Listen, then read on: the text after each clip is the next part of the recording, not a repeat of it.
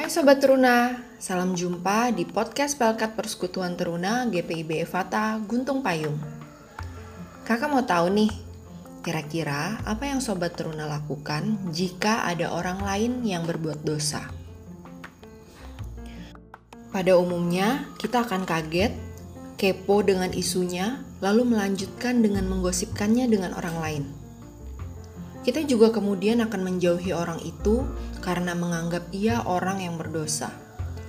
Apalagi kalau orang itu berdosa pada kita, maka kita akan marah, dendam, dan selalu mengungkit dosa itu terus-menerus. Begitukah yang akan kita lakukan? Mungkin itu telah kita lakukan di masa lalu, tapi tidak di masa sekarang. Ketika kita telah kenal dekat dengan Yesus Kristus, Lalu, apa yang seharusnya kita lakukan saat ada orang lain berbuat dosa?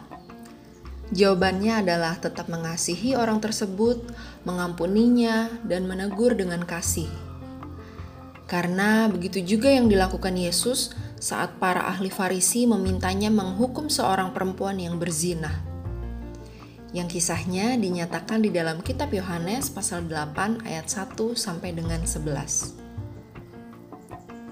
Ya, kita perlu mengasihi orang lain yang berbuat dosa dan mengampuninya.